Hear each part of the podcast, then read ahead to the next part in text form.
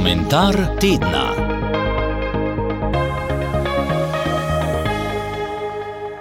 Nocoj bomo obhajali tretji sveti večer, pred jutrišnjim praznikom gospodovega razglašenja oziroma svetih treh kraljev. Pokadili bomo domove, jih kropili z blagoslovljeno vodo, ter na dohodna vrata zapisali hišni blagoslov. Kristus mezonem benedikat, Kristus naj blagoslovi dom. Ljudsko izročilo je začetnimi črkami blagoslova sčasoma začelo označevati imena svetih treh kraljev: Gašperja, Mihe in Boltežarja. Ko so zagledali zvezdo, so se ti modri in bogati gospodje z vzhoda podali na pot proti Betlehemu, da bi spoznali Jezusa in mu darovali zlato, kadilo in miro. Tudi ti darovi imajo preneseni pomen. Zlato časti Jezusovo kraljevsko dostojanstvo, kadilo njegovo božanstvo, mira njegovo človeškost, ki bo resničena s smrtjo in pokopom. Prizor poklona svetih treh kraljev je eden najbolj priljubljenih. Spodbudil je številne upodobitve na božnega slikarstva. Modre zjutrovega najdemo naslikane že v drugem stoletju, v katakombah svete priscile v Rimu. V naših krajih jih najdemo podobljene na številnih freskah gotskih crkva. Poklon modrih je spodbudil tudi običaje, ki nosijo globok pomen. Za obredne obhode v božičnem času je Evropski vzhod sprejel rimsko koledarsko ime kalende, ki je sprva pomenilo začetek meseca, pozneje je prišlo tudi na obhode, poganske šege, ki jim je krščanstvo dalo novo vsebino.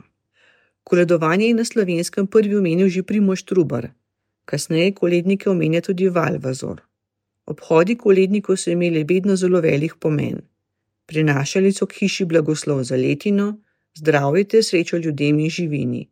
Svoj posebni pomen so imeli koledniki v kmečkem okolju, dobrodošli pa so bili tudi po trških in mestnih naseljih. Vera in upanje v blagoslov, ki so ga koledniki prinašali, nikoli ni ugasnila. Evropski vzhod je za koledniške obhode pripravil prav posebne koledniške jaslice. Šopka na polskem, vrtep v Ukrajini, Betlehem na mačarskem. Zapisi pričajo, da so koledniške jaslice že v 18. stoletju bile poznane celo v Sibiriji.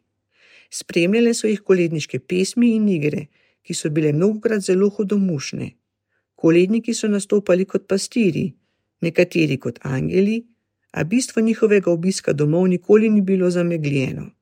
S poklonom detetu Jezusu v jaslicah so koledniki prenašali blagoslov hiši, ljudem in živalim.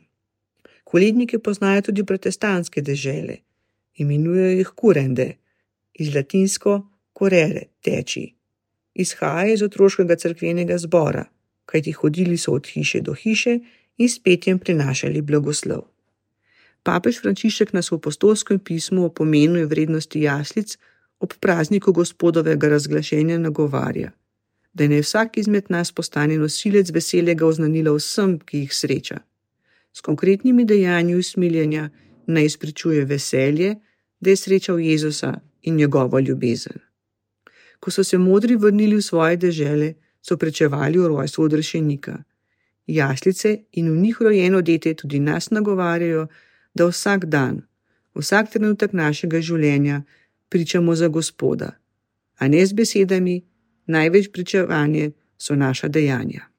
Preteklo leto je bilo leto težkih preizkušenj, nerazumevanja, vojne, naravne katastrofe, ne samo pri nas, po vsem svetu.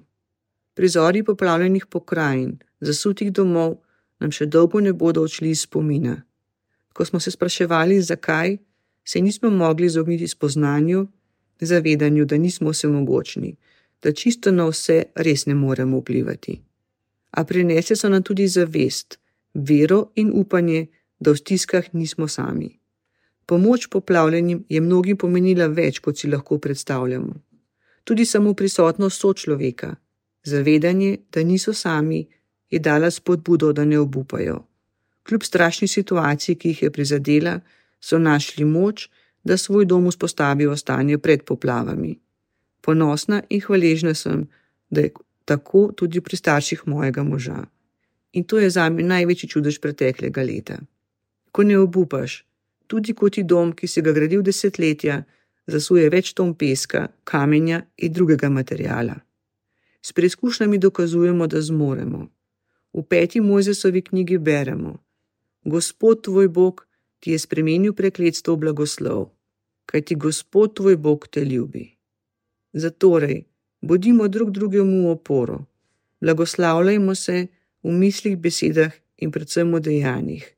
Iskreno delajmo dobra dela. Napolnila nas bodo z radostjo, tako nas, kot tudi tiste, ki jim jih namenjamo. Če v srcu ne čutimo miru in ljubezni, so vse besede za manj. V življenju srečujemo ljudi, ki nas ranijo in žalostijo, ter tiste, ki nas napolnijo z radostjo. Želim vam, da bi v letu, v katerega smo vstopili, ne prenehali blagoslavljati drug drugega. Eden drugmu ogen dajmo, je že konec 18. stoletja zapisal dramatik, pesnik in zgodovinar Anton Tomaš Linhard. Naj se krepijo in razvijajo vrednote, kot so zaupanje, sožitje in solidarnost. Naj ljubezen, ki jo prinašajo jaslice, to čudovito znamenje božje ljubezni, skozi vse leto razsvetljuje naše življenje.